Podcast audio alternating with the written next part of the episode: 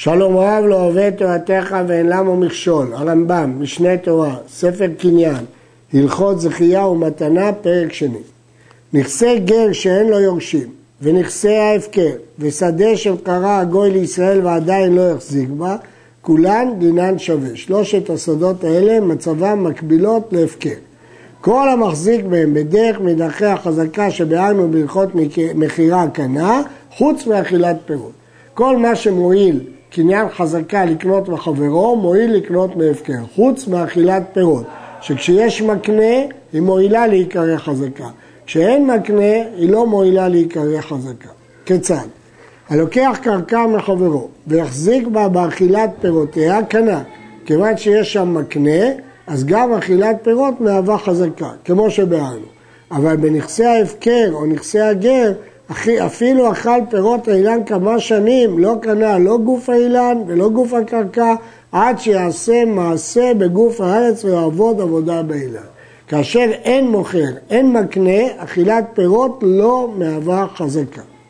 ומעשה באישה אחת שאכלה פירות דקל 13 שנה, ובא אחר והחזיק באילן בעבודה שעבד בגוף האילן, ובא מעשה לפני החכמים ואמרו, זה האחרון קנה. למה? כי הראשונה החזיקה בנכסי הגר או בדקל של הפקר רק באכילת פירות, ואכילת פירות לא מועילה כשאין מקנה, ואילו השני החזיק בגוף האילן. יש להעיר שהרעב"ד ועוד ראשונים חולקים על הרמב"ם וסוברים שלעולם אכילת פירות לא מהווה חזקת קניין, אפילו כשיש מקנה, מפני שאכילת פירות מועילה בתור חזקת ראייה, שאתה לקחת את הפירות ואף אחד, הבעלים, המרקבה לא מחה בידך. אבל חזקת קניין זה דווקא מי שמשקיע בשדה. נעל, גדר, פרץ, לא מי שגוזל את השדה, לוקח את פירותיה, זה לא חזקת קניין. יש דברים רבים שאם החזיק בהם הלוקח לא קנה עדיין, ואם החזיק אחד מהם בנכסי הגר או נכסי הפקר וכיוצא בהם קנה. כלומר המקרה של אכילת פירות, מחברו קנה ומנכסי גר לא קנה.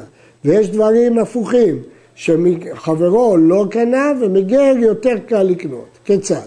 המוצא פלטורים גדולים בנויים בנכסי הגר וסייד בהם סיוד אחד, או קייר בהם קיור אחד, כמו אמר יותר מכנגד הפתח, קנה.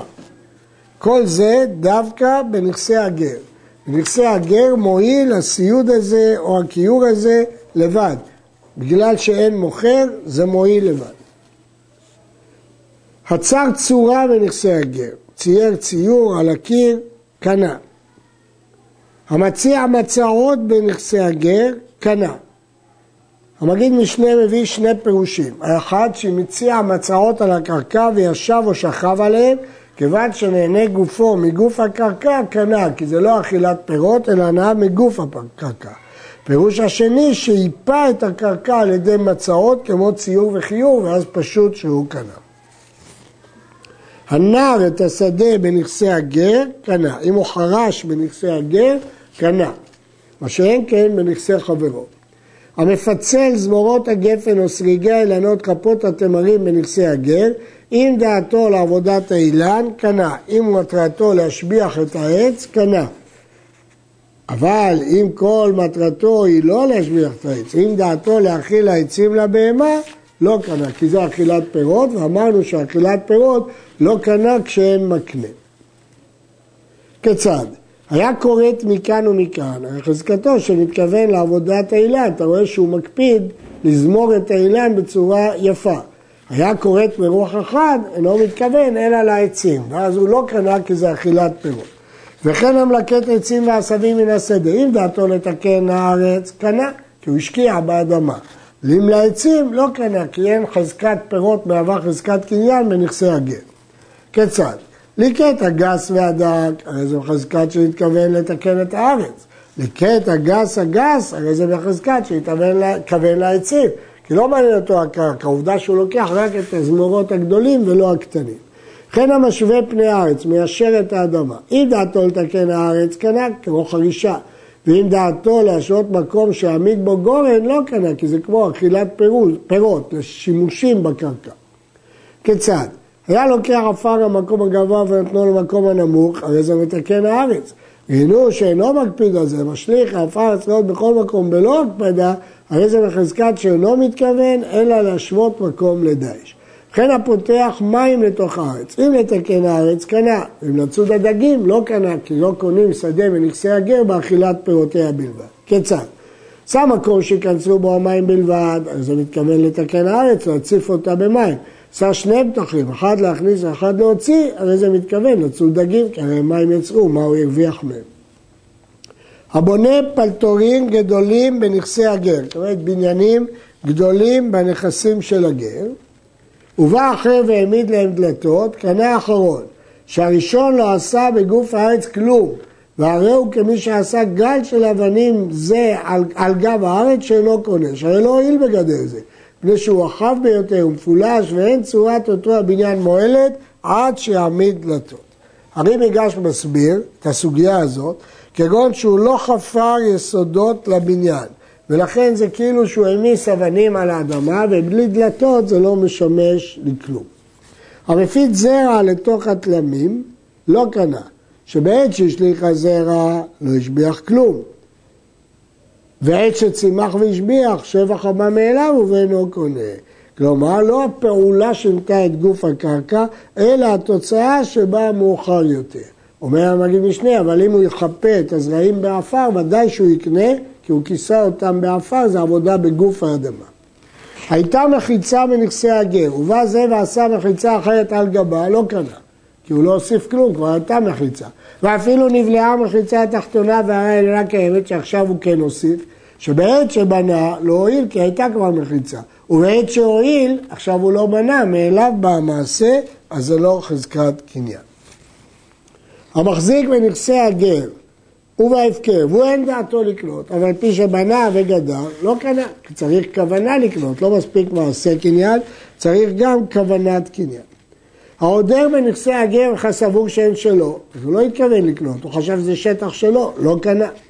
אדם בנכסי גר זה, הוא סבור שם של גר אחר, הואיל ונתכוון מעשיו לקנות מן ההפקר, איזה קנה, מה זה משנה אם ההפקר נוצר על ידי הגר הזה, או ההפקר נוצר על ידי אחר, בין כך ובין כך זה הפקר. היה משכון ישראל ביד הגר, כלומר, שהגר הלווה לישראל כסף ונטל ממנו משכון. כשמת הגר, בא ישראל אחר והחזיק במשכון, רצה לזכות בכל המטלטלים של הגר, מוציאים אותו מידו. כיוון שמת הגר, בטל שעבודו, והמשכון שייך לממשכן, כלומר לישראל הראשון.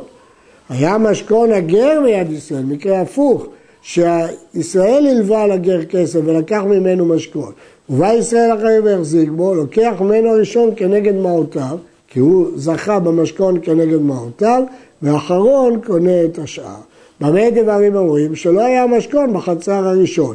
אבל אם היה בחצרו, חצרו קונה לו שלא מדעתו, כמו שבאנו מהמציאה, ואין לזה אחרון כלום, כי החצר קנתה אוטומטית למי שהמשכון בידו. גר שמת ובזבזו ישראל את נכסיו, כלומר רצו לזכות בהם מההפקר. והיו בהם עבדים גדולים, קנו עצמם בני חורים, כי עוד לפני שהישראלים תפסו אותם, הם תפסו את עצמם, אדם קודם כל תופס את עצמו. אבל העבדים הקטנים, הרי הם כבהמה, אין להם דעת לתפוס את עצמם. כל המחזיק בהם זכה. כבר בענו דרכי החזקה שיקנו בעבדים, כלומר צריך לעבוד בו עבודה של עבד כדי שזה ייקרא חזקה. גר שמת ובזבזו ישראל את נכסיו, זאת אומרת השתלטו על הנכסים שלו. ושמעו שעדיין לא מת, או שיש לו בן שאשתו מעוברת, אז כל הזכייה שלהם היא טעות. כולם חייבים להחזיר, כי התברר שזה לא הפקר ולכן הם החזירו. החזירו כולם, שמעו לנו והחזירו. אחר כך שמעו ששמועה ראשונה מת הייתה, ובראשונה מת, עומד בנו קודם, או הפיל לאשתו, כלומר הם צדקו במה שהם החזיקו בראשונה, כל המחזיק בשנייה קנה, ובראשונה לא קנה. צריך לבאר במה מדובר פה. אה, הרמב"ם מבין שהמחזיק בנכסי הגר על בסיס שמועה, מחזיקים כל עוד שמועה זו נכונה. ברגע שהיא מתערערת, חוזרים הנכסים למצב ההתחלתי וצריך לזכות בהם שנית. מה ההיגיון? ההיגיון כי התפיסה הראשונה לא הייתה תפיסה טובה, כי הייתה תפיסה על סמך שמועה בלבד. על סמך שמועה בלבד, אין לה כוח, לכן התפיסה לא חלה. עד כאן.